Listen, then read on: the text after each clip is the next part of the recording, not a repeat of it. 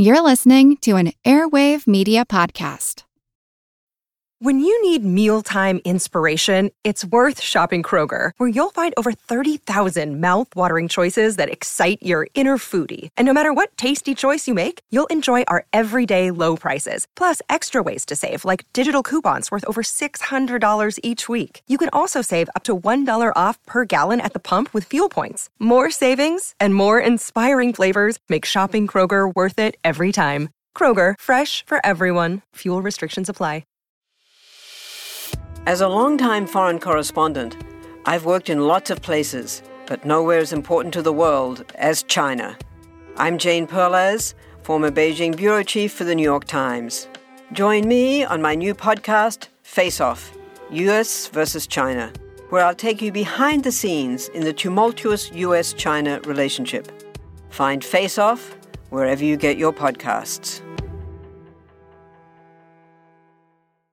This is Kickass News. I'm Ben Mathis.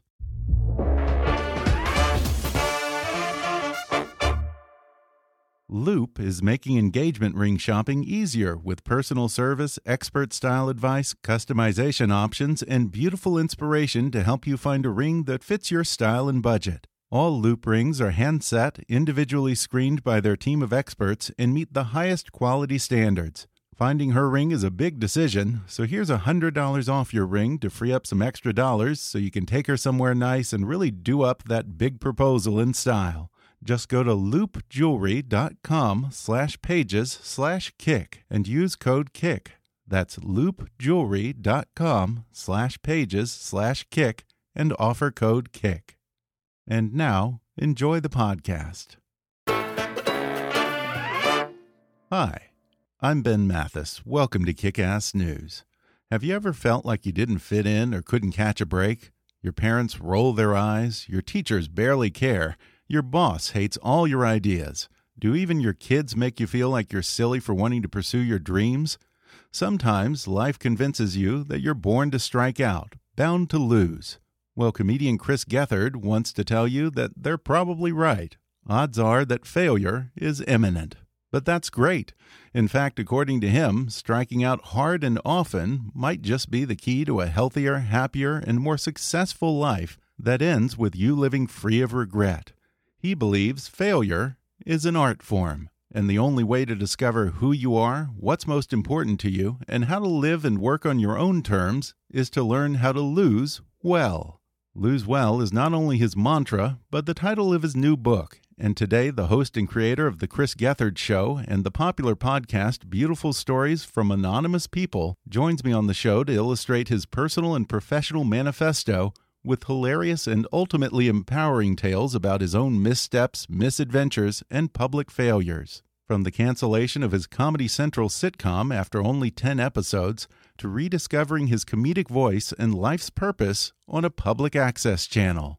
He recalls how getting miscast in a school production of Bye Bye Birdie changed his life, the time he invited a heckler on stage during one of his comedy sets, and why the host of a rival cable access show tried to sue him for, quote, violating her constitutional rights. He discusses his love of Andy Kaufman, whatever happened to cable access TV, and some of the wonderfully weird things he got away with on The Chris Gethard Show. We talk about President Trump's obsession with defining people as winners and losers, how Chris handles political differences on his show Beautiful Stories from Anonymous People, and why Chris's very first manager is still to this day the worst person he's ever met. Coming up with comedian Chris Gethard in just a moment.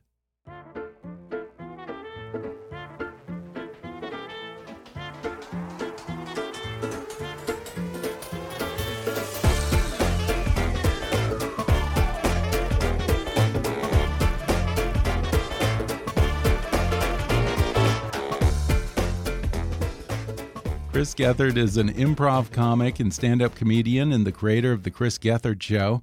His Judd Apatow produced one man show Career Suicide premiered on HBO and was nominated for the Lucille Lortel Award for its off Broadway run. He's also the host of the popular weekly podcast, Beautiful Stories from Anonymous People. Now he's written a new book called Lose Well. Chris Gethard, welcome. Thank you for having me. You have a tattoo on you, I heard, that says lose well. Yeah. How did this sort of become a mantra for you? Well, I I had a uh, I had an experience many years ago where I had been uh, I'd been fighting, you know, to get my career up and running, and I I was about ten years deep on that, and it wasn't going great. And then I got cast on a sitcom, and then the sitcom did not do well. And then I wound up hosting a public access show about eight months after the show failed. And I think by anybody's definition, that's not a great career trajectory from lead on a sitcom to public access TV host. this was not a gimmick. I did it for four and a half years. I committed hard to it. And uh, at one point, one of the cast members of the show had to move from New York, where we did the show. And she had expressed uh, to me that she felt like a loser. And I went on this rant where I basically said, I was like, you know what? You can't apologize for that. Like, I'm not going to deny it we're on public access TV. We're the losers. Like we lose. But I will tell you, anybody who loves this show feels like we lose well. We are good at it. we are the losers and we're nailing that. So don't apologize for losing well. And the fan base of my public access show really embraced that. And I think it really kind of summed up some of the ethos of what we were trying to mm-hmm. build with that show. And and a number of people who watch that show have that have the phrase lose well tattooed on their body. And um, Really? yeah, I do as well. And that's so flattering and mind blowing. And it made me realize that it was something that struck a chord with people. And it, it, it made me feel comfortable kind of taking a shot at this book that tried to sum up every thought I have behind this philosophy. Yeah, and it's an interesting time for you to be promoting this message of lose well because we have a president who treats everything as a zero sum game and reduces human beings to winners and losers. When the culture is so obsessed with winning, is this message of lose well a tough sell? Ah, it might be.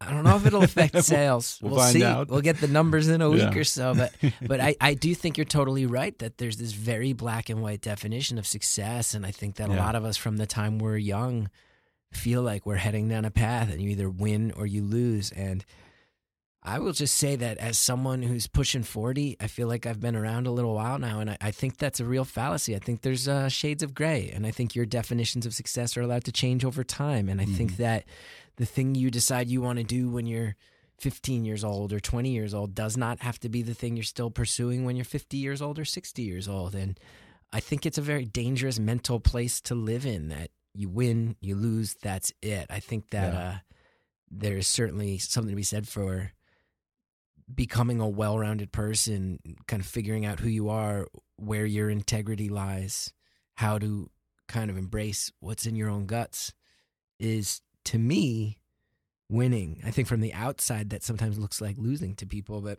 I think there's a lot of us out there who feel like if if all you can be is a winner or a loser, I think from an early age I felt pigeonholed into being a loser. I think there's a lot of us who feel that way and feel like we're expected to stay in our lane and I don't like it and I don't buy it. I hope this book makes a lot of those people feel like they can pick up a brick and throw it through a window if I'm being honest. And a great example of not being pigeonholed as a loser or as whatever it is that you're pigeonholed as um, is this early story that you tell from, I want to say it was in high school. And you have this seminal moment that sort of made you want to go into entertainment and specifically comedy. A high school production of Bye Bye Birdie. Eighth grade. Yeah, it was actually eighth grade. Okay, yeah. And you were you were sort of uh, some would say miscast as the the lead Conrad Birdie, who's like the cool Elvis type. Yeah. You were not that no, I was type. about as far away from respect. that. Oh, please. I'm, I'm well able to see that. I was actually originally cast as the little brother, Randolph, which made a lot more sense because I was a. Uh, I, I, I sort of tragically did not go through puberty until like tail end of my junior year of high school. I was the tiny little late bloomer kid, and playing the little brother in the coonskin cap fit me just fine. And then, uh, yeah, the guy who was playing Conrad Birdie, which if you if you don't know the show, Conrad Birdie is just Elvis. It's just Right, Elvis with a different name. He dropped out, and I was a little nerd, and I had memorized the whole script, so they threw me in there last minute. I had to all of a sudden figure out what it was like to be cool. Try to take a stab at being cool. It sort of sums up the rest of my career since. It's a weird mix of success and public failure and shame and joy and all these strange things. Yeah, and you talk about that being a turning point because prior to that, you'd spent your young life fearing being laughed at, and then you get laughed at as kind of this guy miscast in this cool role, And I loved it. you became addicted to it, sort of. Yeah, and it's funny because I knew I was being laughed at. I understood it in the moment. I mean, I, I will never forget the feeling that curtain opened, and I think, especially a lot of the parents who were there. You know, it was a lot of kids from school, but their parents are there. We're seventh, eighth graders, and you got to bring your parents. And I remember hearing the adults laugh, and I knew I was like, I get it, man.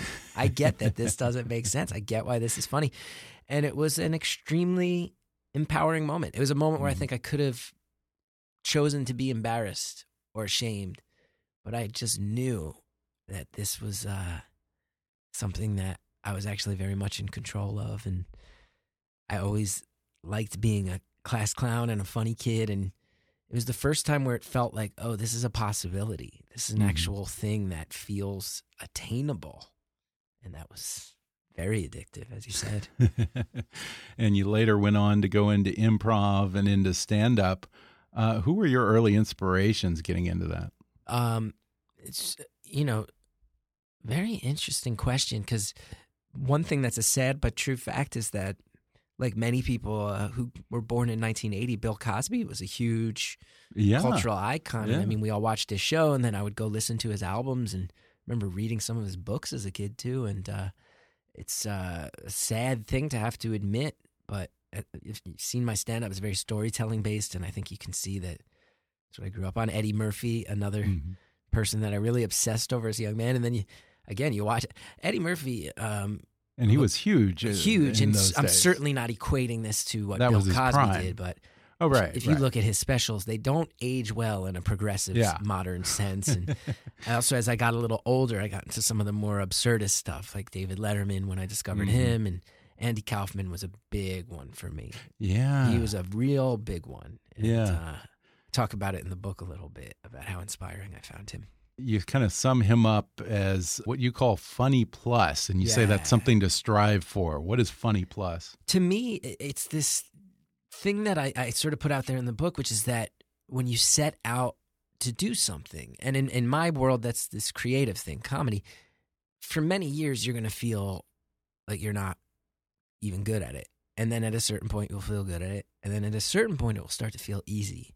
And my challenge to the readers of my book is that when it gets to that point, I argue that you want to put something else on top of it. You want to put a spin on it that's uniquely yours. You don't just Mhm. want to spend all your time chasing something unlikely so that you can eventually say, Look, I'm as good as other people have done this. You want people to look at you and look back and go, That person put their own fingerprints on it, their own take on it. And I feel like with me, that's this thing that I've kind of stolen from what I love about Andy Kaufman's work, which is that it's funny plus something else. He was Mhm. funny plus he'd often make his audiences very furious or very bored or very confused. And it, it always always had this layer of it's really funny, but then also the predominant thing isn't even that it's funny sometimes. Like when he was uh Right. Tony Clifton, Right. That wasn't always a laugh a minute. I think the predominant tone in that Yeah. room, especially before people totally understood it was him, was actual anger. It was a Mhm. actual anger. And then when you realize that that's the guy from Taxi in there, becomes supremely funny. And, uh,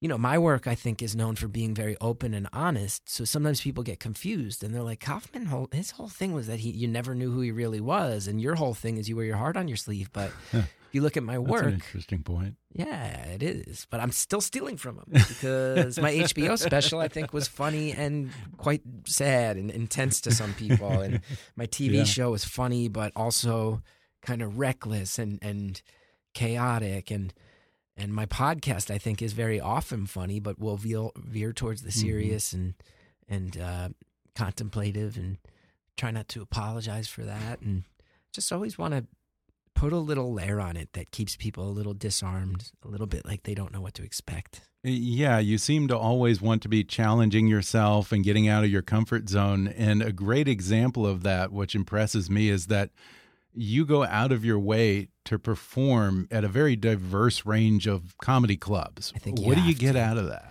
I think you have to. I, I mean, I think to me, you know, this is going to sound very cheesy, but it's something I really believe is that as a comedian, it's such a beautiful job because your job at the end of the day is effectively to make people feel good or to make, you know, to make people laugh or to make people maybe think about something that's uncomfortable to think about. But due to the laughter, you can get them to swallow it. And if that is the case, I feel like to I my personal opinion, other people might not agree with this. Um, I feel like one of the goals and almost one of the duties of being a high level comedian is that it's universal. Mhm. That someone who is, um, you know, like a, a coastal progressive, uh, very woke 20 year old who's living in Bushwick, Brooklyn will see the value in your joke.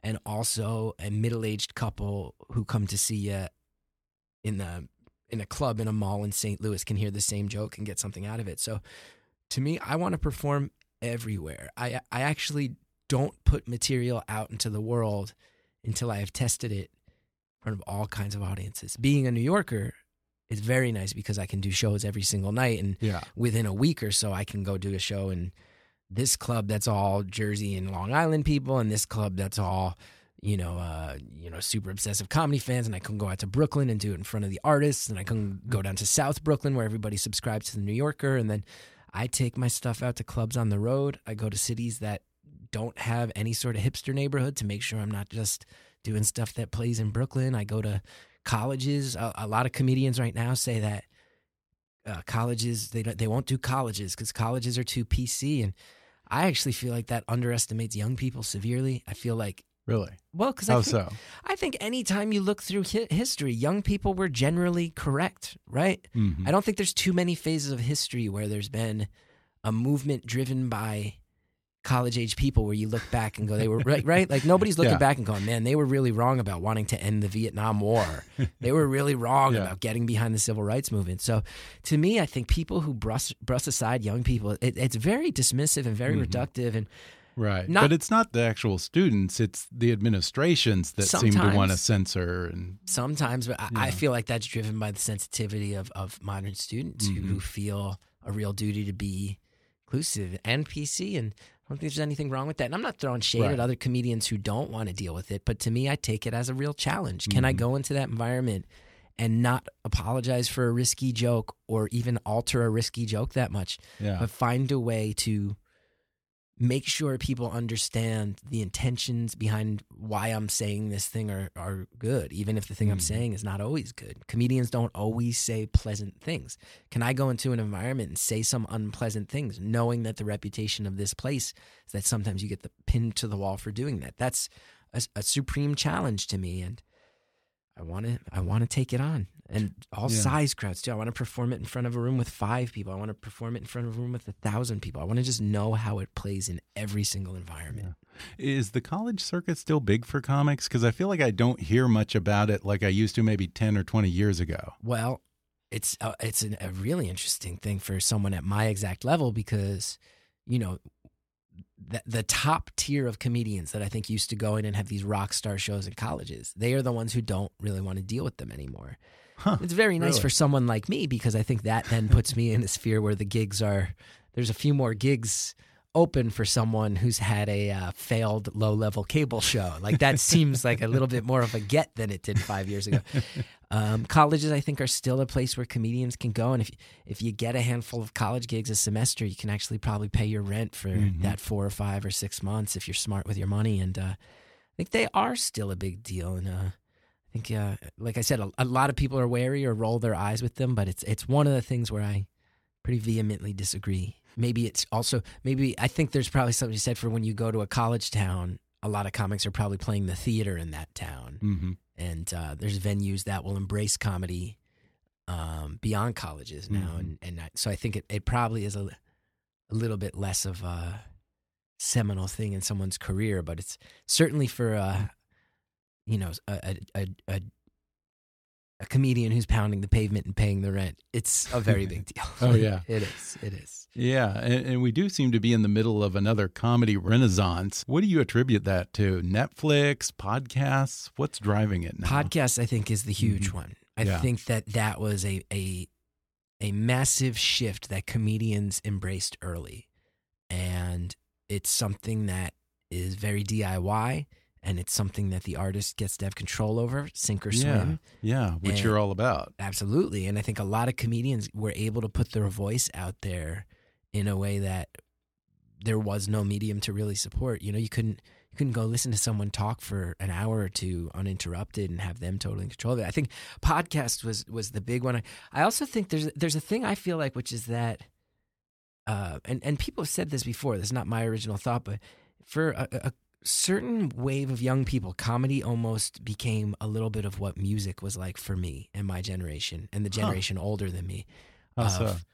You know, I think, for example, like when I was in when I was in high school and college, if you listen to Jawbreaker, Mhm. that was a punk band where people go, okay, you're kind of an emo kid. Or for me, it was the Smiths. You know, I was obsessed Yeah. with the Smiths, and that kind of tells you a little bit about who I am. It was an I think. identifier. Exactly, Yeah. exactly, and that's kind of how you find your tribe. And I think there's something to be said now for young people in a beautiful way, or like, yeah, I know who Reggie Watts is, or I, Yeah. I John Mulaney is my guy, and uh, you know, I'm Maria. If you like Maria Bamford, that certainly says a little bit. I think about where your heart's at and your head's at, or Tig Notaro. I think there's some examples. Yeah, that's true. People where that's my thing, and when you say that, it, Yeah. it- I know a little bit more about you, and I think that's part of the boom. But Wh- what does it What does it say if you like Carrot Top? I mean, I'm sure there's many layers to that. Yeah. Just the, just the, just the the years you're reaching back on that one are profound. But I think a lot of us are worried that this this bubble is going to burst sometime. Oh, really? soon. Yeah. I mean, Oh. comics are very anxious, neurotic people, Yeah. but you know. Netflix is supporting comedy and it's beautiful. They're also putting out a special every single week. It's yeah. only sustainable for people can only consume Yeah. so much comedy and um I'm Huh. so happy that we're all benefiting from it, but I also hope that it lasts. Yeah, yeah. I guess we could meet, could reach peak comedy at some point along the way. How many podcasts can you listen to a week? How Oh, many yeah, specials can you watch a week? Like Mhm. it's Yeah, it is a it, it will hit a saturation point and you must have some interesting experiences. What's the worst stand-up gig you've ever had? I mean, there's been so many bad ones. There have been so many bad ones. I I write about one in the book, which is probably the one to talk about because there's a reason I wrote about it. I was uh, I got a a Comedy Central half hour special, which in in the world of stand up, I think is like a real a moment deal. of you are you are officially like on a on a pro level Yeah, you're it's sort of a signifier that you've reached a certain point to other comics. And uh, there's a, a bar in New York that runs a show called Hot Soup on Tuesday nights. Great show. And uh, the booker invited me to come run my full half hour at the end of the show. And was excited about that. You get a full half hour stage time in New York. That's rare. And uh, in a bar, no less, where, you know, that attention span is not necessarily half hour length. And I went to do it. And there was this guy there who you know, it was partial seating, partial standing, and it was in a bar, and he had ordered food, and he was, I'll never forget, he was eating French onion soup, and he was standing, In just like comedy show? twirling the cheese and slurping it, and he was only five or six feet away from the stage, and kind of mumbling stuff through the whole night, and I was going last, and there's a little bit of a code of honor with comedians where it's like, well, if I'm the headliner, and this guy's been messing with everybody, I gotta, I gotta take his head off Yeah. a little bit, and um, I was telling a story, and, and some of my stories are long. And pardon my French, you may have to. I don't. I don't know what your That's all right. policy is on some of this, but uh, no, go for it. during my story, he was eating this French onion soup and slurping it loudly and like chewing on this cheese with his mouth open, and he just kept saying out loud, "Bust a nut, bust a nut." And the story I was telling like involved Why? well, the story I was telling did involve a sexual experience, but it was still Yeah. so out of left field, like bust a nut. And I, I wound up calling him out, and I was like, "What's your problem?" And we got into it. And at one point, he says to me, "I was like, why do you think you have a right to do this?" He goes, "Well, I'm a comedian too." And I was like, "That's there's if that's true, there's a level of hell just set reserved himself for up. you." yeah. So then, you know, I write about this in in a chapter of my book about how you got to learn the rules really well, and then you got to be willing to break them. And and Mhm. w- the rule I broke that night was I enabled the heckler. I actually said to him, you know, it became like a game of chess, and we were going back and forth. And I said to him, you know, do you think you're funnier than me? And he said, yeah. And I said, great. Here's the mic. Come up and do your act. And he said, What? And I said, Look, it's a packed out room. Every comedian should want to perform in front of a packed out room. And if you're better than I am, this crowd will get a better show. They won't be mad. And I'll sit back and I'll learn something and I won't be mad. But I warn you, if you're not as funny as I am, this crowd's going to eat you alive based on how you've been behaving tonight. And he knew he either walks away a coward who gets booed or he Yeah. gets up and does it. And he got up and, and he choked really hard. Really? And uh, yeah, and he, what was his material? it was just this mumbly setup that he he immediately because you know a crowd the crowd did not appreciate his behavior and I asked Mm-hmm. them I said give him an honest chance I'm giving him the mic and I want you to give him an honest chance and uh, he got about six words in and you just saw him do the like uh the the the customary like blink and brow furrow that signifies he has forgotten his first joke and right in that window you started to hear the first uh boos and heckles and didn't go well. And he uh he fled. He actually ran out of the room. You're kidding. he actually sprinted out. It was crazy. Someone threatened to fight him and on the way out. It was it was really intense. That's probably the worst show i've had but i want to Yeah. reiterate i've had thousands of bad shows. Yeah. i really have Was the club owner pissed at you? no luckily it was a bar show so they're, Oh, okay, they're right, just happy right. to sell food and drinks you know it was the end of the night they are they were just settling up tabs Yeah. they were probably happy they got to go home a little earlier We're going to take a quick break, and then I'll be back with more with Chris Gethard when we come back in just a minute.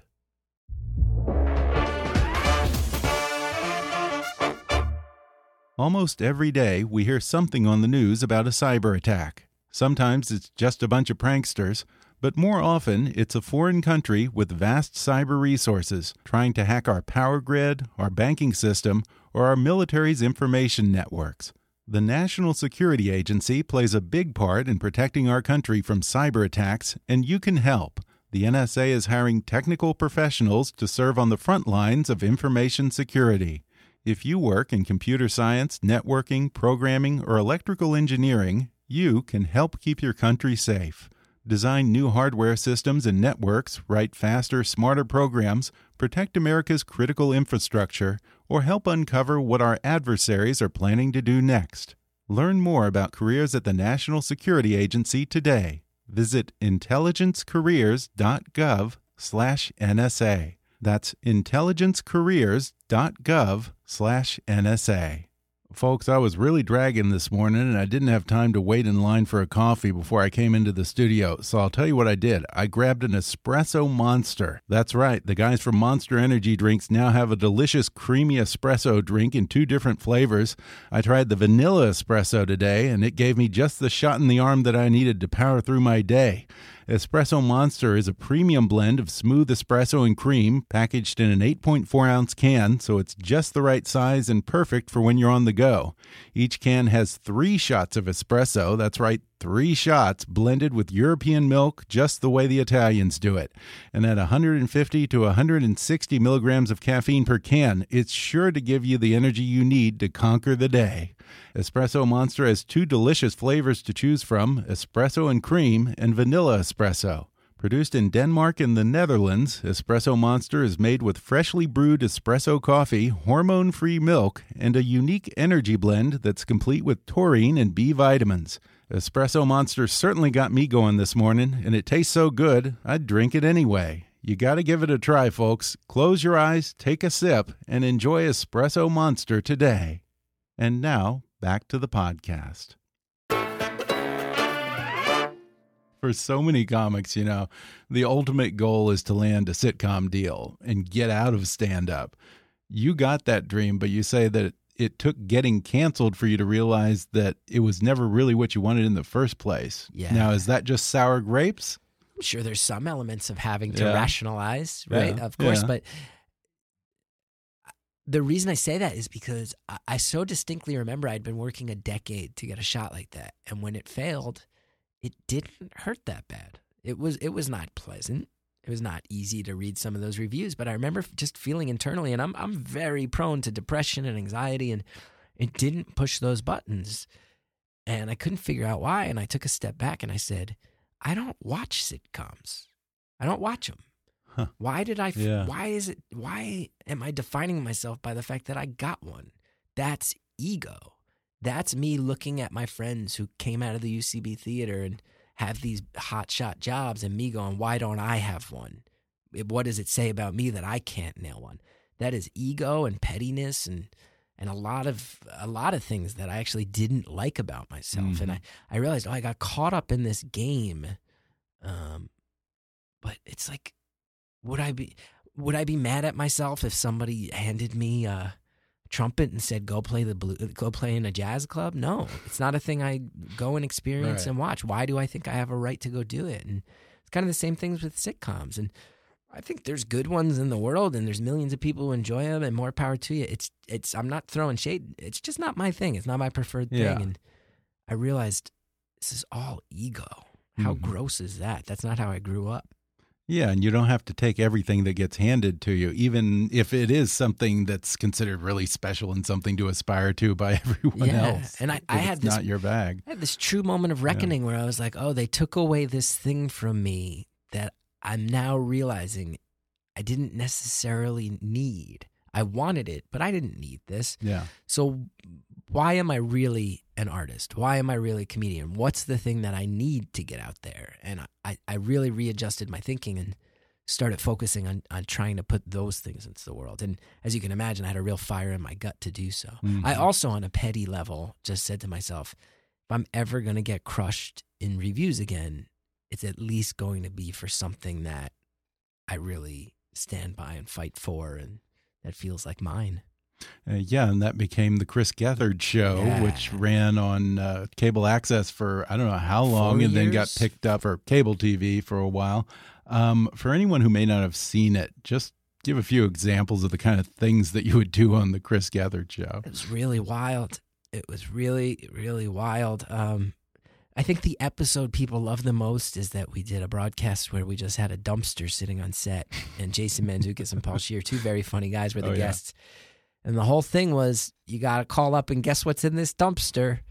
And uh, Was it trash? and I Not to spoil anything. no, I, I, I don't want to spoil it. I want to encourage people to watch it. It's, it's- people have actually written like critics. Uh, there are critics who have said it's one of the best hours of television they've ever seen, and it's a show nobody's ever heard of. And we did a lot of crazy stuff. I mean, back in the public access days, we we uh, what are some of the standout ones? We did one that people really genuinely love, and I say this uh, not facetiously, where four of us wore a four four male cast members wore a big skirt and all of us had our pants and underwear off and you could a- call up and ask us to uh, describe each other's genitalia and it was really wild but it actually became this like pretty Yeah. cool thing where it was like let's just be comfortable with male vulnerability and nudity and and and and body image and it, it actually I think took on this tone of like oh this is a weirdly positive thing so You know, it makes me wonder though, uh, what happened to cable access? Is is that still a thing, or people is, is, is everyone on YouTube now? I is think that a- where cable access is gone? it's really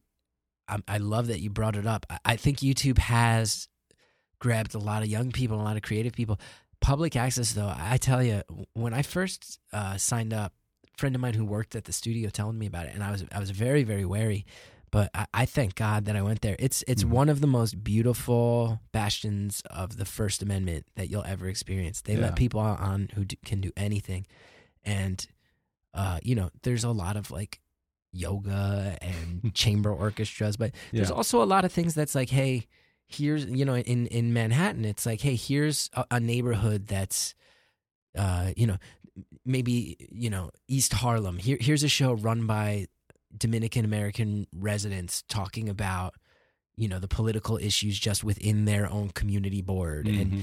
and who are we going to vote for who's going to represent like like a lot of stuff like Yeah. that that's grassroots ability to let people get voices out there and i also will not lie there is a high percentage of crazy people on public Yeah. access and i say that with a lot of love for crazy people but man oh man real cast of characters in those studios It- yeah, it almost reminds me of where podcasting is in that it's a medium that rewards passion, even if it's for something that's so niche. oh yeah If you're passionate about it, one way or another, you'll find an audience. Yeah, and a, a lot of the people who worked there did not like me. They regarded Really? me as a, a Hollywood interloper, oh, because you came from I had a cable- tele- I had a from cable show. television and uh, from cable television. they used to put me on these Yeah. email lists where they would come in, and it would be dozens and dozens of people who had shows. And this crew of about a half dozen people would send out these emails. Chris Gethard is ruining this station, and his uh, and they would literally say things like there was one where they cc'd my agents where they found out oh his, we've put his agents from the gersh agency on and i was like i left gersh two years ago like this is so weird and they'd tear me to shreds and and then I would rent, reply all and say, "Hey, before anybody gets in on this uh, public bashing, I'm on this email list, and I'm just trying to work hard and make a good show. And I know it's getting a lot of attention, and I hope that helps all of us get attention. And I have no bad Yeah. intentions. And one of them actually wound up suing me in federal court. For what? It was bonkers. He, um, in 2012, I was asked to cover the presidential election for the Public Access Network, and uh, I said to them, maybe a fun stunt to get some eyes on it. What's the longest continuous broadcast in New York public access history? And we realized if we did a 12 hour broadcast, we would break it. And in the course of that, a number of people had shows scheduled for that day, and Oh, we're told, okay. "Oh, there's a special event." And Yeah. this guy's show was one of the ones that got canceled, and he uh, sued me, Time Warner Cable, the Manhattan Neighborhood Network, and a number of people who worked there. Were all named individually in this lawsuit that he filed, saying that I stomped out his uh, First Amendment rights. I Oh, was like, dude, wow. you just got rescheduled. he for framed the it as the day. First Like, Amendment issue, huh? and he continuously said that he continuously referred to me as white comedian Rick Gethard. My name is Chris Gethard. I'll also note that he is also a Caucasian man. Um, it was really, it was really wild. And he, uh, one of the things he wanted was at the time I was on a cable network called Fusion. Our show had had moved on from public access. right. He demanded that he be allowed to host an episode of my show on a What? cable network, which is not, you can't force another private company by federal decree. You have to let this guy you don't know on your airwaves. It was Hey, equal time. wild. It was wild. bizarre. Yeah, and I was actually I was doing my one man show off Broadway, and uh, one night a, a lady, a really intense lady, just kind of burst into my green room backstage and asked me to sign a thing for her. And I was uh, some friends were there visiting me after the show, and I was really scared, so I just signed it just in an effort to get her to leave. And then she said, "I got you this present." And it was this thing wrapped up, and when I opened it, that's how I had been served papers. Oh, you're kidding. When I signed the poster, that counted as me uh, signing it as as a, an acknowledgement that I had received my papers. that is sneaky. And I was ambushed. It was like, dude, just uh, just email me and I'll meet you at a Starbucks or something. Like, no Yeah. need for the subterfuge. Yeah, what happened to a rising tide lifts all ships? Look, if you have a popular show on cable access, that helps all the shows. I thought so, and I, I, I can say too, it's it's fun to tell these stories, but you know, ninety percent of the people there, I think, looked at what me and my friends were doing and said, "Oh, these these people are really hardworking.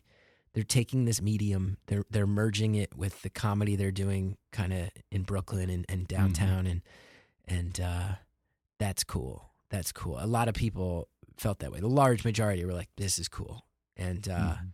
we were friends with a lot of them. And then there was there was just this crew that really. So I one one uh, lady sent a in one of these emails said, you know, your show has no cultural value. It has no place on our station. Uh, you're mocking the rest of us by your presence here, and I got really upset.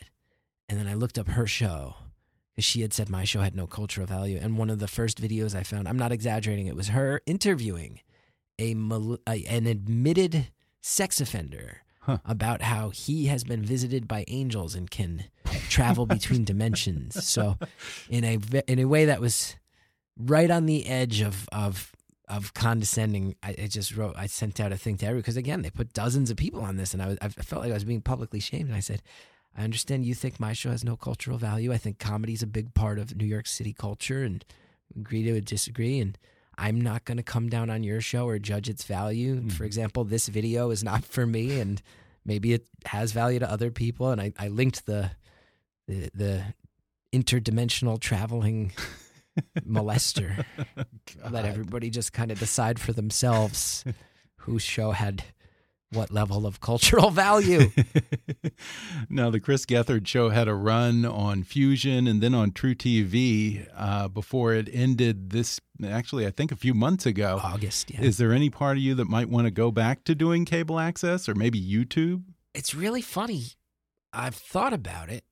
One of the beautiful things about cable access is that it's totally non-commercial. Um, unlike a podcast where you can go and get advertisers Yeah. and, and and pay your rent, you can't do that. And um, I don't mind putting out work that I believe in for no money. Uh, If there's a way that I can maybe get money for it, I don't think there's anything Yeah, wrong if with it's that at this marketing your brand and Absolutely, making people aware of shows and stuff. I think. I have worked That's hard to get to a level where that's a, a possibility. I'll also say this: as our show was in the pressure cooker of potential cancellation, it was very, very difficult. And one of the things that made me fight really hard for its survival, because I would have been happy to walk away from the pressure after a certain point. But you also look around and go, oh, there's about 70 people who have full time jobs, and then a bunch more who come Yeah. in on our shoot days. And it's this little micro economy. And a lot of those people who had jobs were not just people who showed up and worked on the public access show, who just volunteered for free for four years. Some of them were fans of the show. There's a guy who moved from Honolulu to work on our show, a guy who moved from Wow. San Francisco to be a PA. Our social media coordinator was a girl who lived in Florida who used to just post stuff about the show on Tumblr and helped rally this fan base. And we reached out and said, "You've always had your finger on the pulse. Will you come? You know, come That's so accept cool. a job?" And I would see that, and and and and I was fiercely proud of that. So that's one of the things about cable access. It's not a artistic thing I would avoid, but there's a certain level of pride in realizing, oh, it was really a community that built it, and I was so happy that a lot of people who got their first jobs on the production side of TV or the creative side of TV, who were people who got in the trenches for this thing with my name on it. It's it's one of the hugest honors of my life. Yeah, and now you've kind of channeled that into something new. You have this incredibly unique podcast called Beautiful Stories for Anonymous People. And yet it's such a simple premise, I guess. you get listeners to call in and talk about their lives for an hour, not celebrities. It's not a celebrity talk show. These are just regular people from wherever calling in anonymously to talk about themselves. It could be anything from the other day you had someone who was a, a nanny or, or worked in a daycare and she was calling you while the kids were taking their nap. And there, or before that, you had someone who survived a mass shooting. And what's interesting is you treat everyone with the same respect and the same amount of interest, Yeah. no matter what their story is. I feel like my job with that show is to is to be a platform for them. Let the show be a platform for them and as far as my individual role within that platform, you know, help them feel comfortable and, and try to ask the right questions and try to help point them in the direction that I think will be interesting to a listener without them having to sweat that out. And it's been a very cool, life changing project. I, I thought it was going to be a little bit more like the Chris Gethard show. I figured it would be like college kids calling in and messing with me a little bit more. Yeah. Okay. it just became this Huh. thing that was very, very genuine. And I realized there's a lot of people in this world, in this era, who feel unlistened to. Yeah. And the show at the end of the day is just one guy will listen to you, and then Mhm. a whole community of people that like the show will listen to you. And I feel really proud of it. And it's it's it's it's doing it's doing well and still a little under the radar, which is kind of my whole career. and uh, I'm I'm really proud of it, and I, I feel like you know not to pat myself on the back too hard, but I'm like, oh, you can listen to this show in the future and know what people were worried about in 2016, 17, 18, and I'm really proud of that. In like a yeah. you know, when I watch Ken Burns documentaries and you see like someone will just read a letter that a Civil War soldier sent home, and you're like, that's that that guy in his own Mhm. words. And I like knowing that I've built something where people can get on record who they Yeah. are in their own words. Yeah, it almost makes me think of like Studs Terkel and how he chronicled yes. the great the, the ordinary lives of the Great Depression and all these different voices and experiences. Absolutely, I've thought about that a lot. It's a, it's interesting because a, a, a lot, like like you said, I agree with you. you. When you started talking about it, you said such a simple premise, and there are people who have told me like, "Oh, this is like such a such a crazy." I, there's people who have said like, "This is a revolutionary idea." I'm like, I think that's a it's reflective of the sad state of the Mhm. modern world. If just listening to someone for an hour feels revolutionary, Yeah. and you know, we live in a social media Yeah, 140 characters at a time yeah, brand yourself uh, society and i don't I, it's not the most original idea there's people who have done similar things and uh, listening shouldn't feel like a revolutionary act yeah. And Beautiful Anonymous also strikes me as maybe a little bit of an antidote to the divisiveness and the tribalism we're experiencing right now. Just being able to have a real conversation with someone you don't know who may have a differing opinion from you.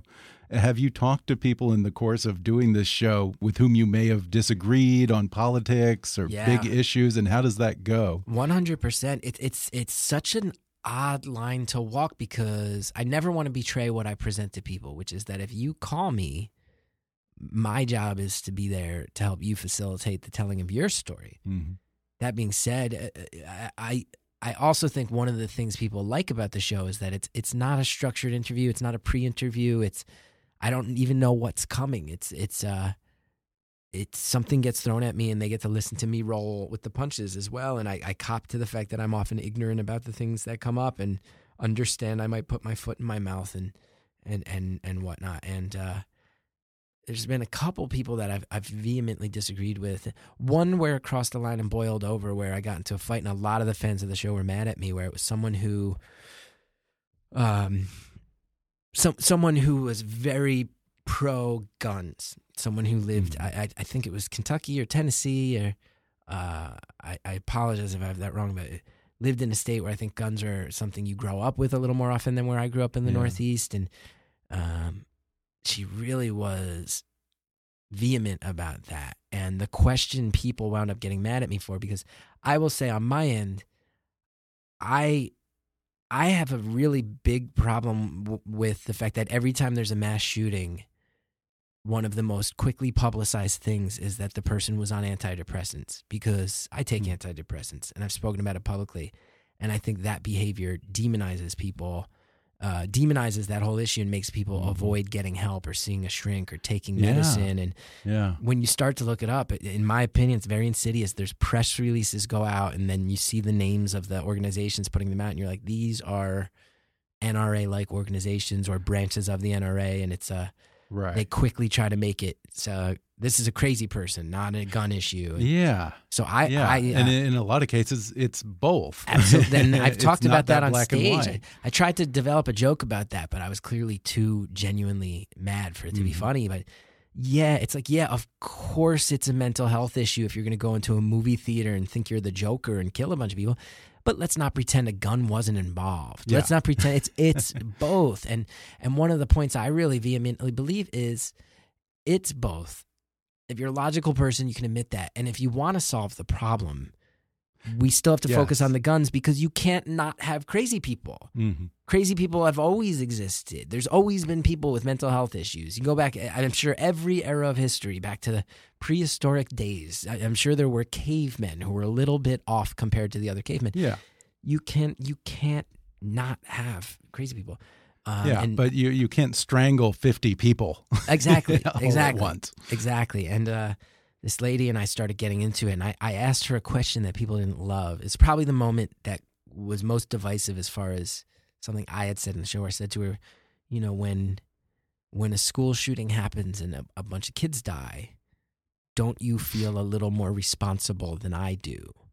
Mm. And a lot of people thought that question was very condescending and aggressive. And she and I, it immediately, it was like storm clouds rolled in and you could hear it on the podcast. And she said, No, I don't. And she said, Do you think I am? And I said, Honestly, you're fighting for guns to be in the world and I'm not. And I do. And it was uh, a moment where my personal opinions really bubbled up in a way that uh, got people mad.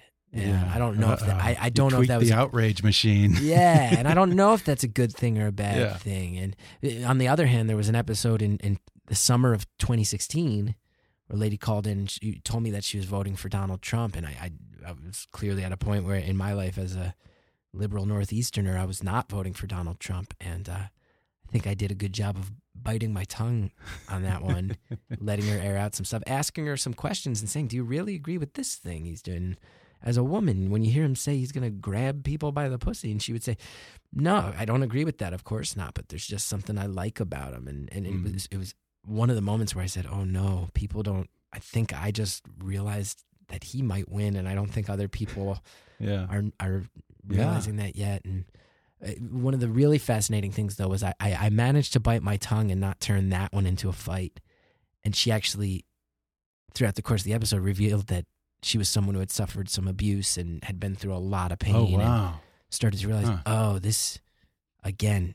People are lonely. People are in Mhm. pain. People don't feel taken care of. This is, this is. People are voting for this guy because of some deeper wounds Mhm. and I was happy that I bit my tongue and got there. And and maybe on the gun one, I would have gotten to something that thoughtful or genuine if I had been able to uh, to let, keep my emotions in check. I don't know. well, I want to end on a slightly lighter note here. Um, before we go, tell us about the worst scumbag you ever met. Who is Oh. Dusty Bunter? Is that right? That is an alias. Obviously, Oh, with the okay. things I s- kind of figured it Yeah, had to you I can't say like the that. things I said about that guy in this book without Real fear. name is Michael Ovitz. Yeah, there you go. There you go. Um, he was a manager. He was a manager who uh, saw me perform comedy in New York when I was 20 years old. And I got a phone call from him out of the blue. I'm still not sure how he got my number. And he he said he wanted to represent me, and I was so excited. And I really break down in the book how he was a a classical sort of like entertainment industry predator. There's there are people who uh who kind of uh flit around the edges of this world. And there's a lot of industries Yeah. like this, right? He Who- didn't get you on the casting couch, did he? no, but there's you know he he he definitely comes from that corner of the world. I don't know that he's. I'm not saying he's ever done that, but I'm saying this idea that there's these shady people who are sort of like manipulators who want to uh, want to sort of uh, latch onto you, and he he sent me on a series of weird auditions. And I write in the book about how it's so shady. I used to have to sign in under all these weird fake company names. It was different every time, and uh, he sent me on on one that was uh, I was 20 years old, and he said they were looking for someone who could play young. And I went in, and there was a part for an uh, seven year old boy. he sent me on a uh, hand modeling audition. Did not tell me it was hand modeling. Told me it was a Doritos commercial, and I have a, uh skeletal condition where my uh, I don't have top knuckles. Like I I would not have taken the day off of work Yeah. and traveled in from New Jersey for that. And, uh, it, it- the, the, he really was. Uh, it's a chapter I think a lot of people might enjoy. I don't Yeah. want to spoil too many more No, things about it, yeah. but uh, man, I Do you know where he is now? I, I Google him every now and then, and, and he comes up a lot with you know these these sites that we see all the time where it's like, hey, pay us four hundred fifty dollars, oh yeah, and then you, headshots. and then you get to yeah. meet you get to meet uh, agents and managers. Like oh, okay. he's you see his name come up on those things where it's like oh, yeah. aspiring people with dreams being or paying Yeah. hundreds of dollars just to meet people who can help them and Somehow those people never go away. They always seem to figure out a way to make a buck. sort of pyramid Yeah. schemes, and you got to watch your back. Well, the book is just terrific. It's funny. It's got some great suggestions for anyone who wants to go into entertainment or anyone who wants to pursue anything that they're passionate about. Uh, again, it's called Lose Well. Chris Gethard, thanks so much for talking with me. It was This fun. was such a good time. Thank you for letting me sully your show. Thanks again to Chris Gethard for coming on the podcast. Order his book Lose Well on Amazon, Audible, or wherever books are sold. Subscribe to his podcast, Beautiful Stories from Anonymous People, on Apple Podcasts or wherever you like to listen. And follow Chris on Twitter at, at Chris Gethard. Folks, I was just telling you earlier how I got my day started with an espresso monster today. When you need energy on the go and don't have time to wait in line, grab Espresso Monster. Espresso Monster is a premium blend of espresso and cream made with freshly brewed espresso coffee, hormone free milk, and a unique energy blend complete with taurine and B vitamins. Each can has three shots of espresso and comes in vanilla espresso or espresso and cream flavors. Close your eyes, take a sip, and enjoy Espresso Monster today. If you haven't already, be sure to subscribe to Kickass News on iTunes and leave us a review.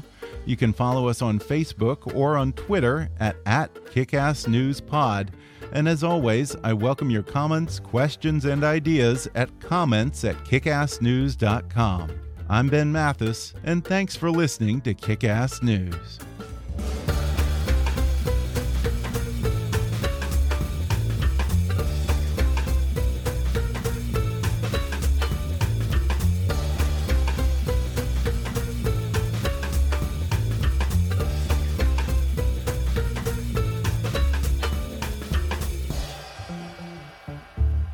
Kickass News is a trademark of Mathis Entertainment, Inc.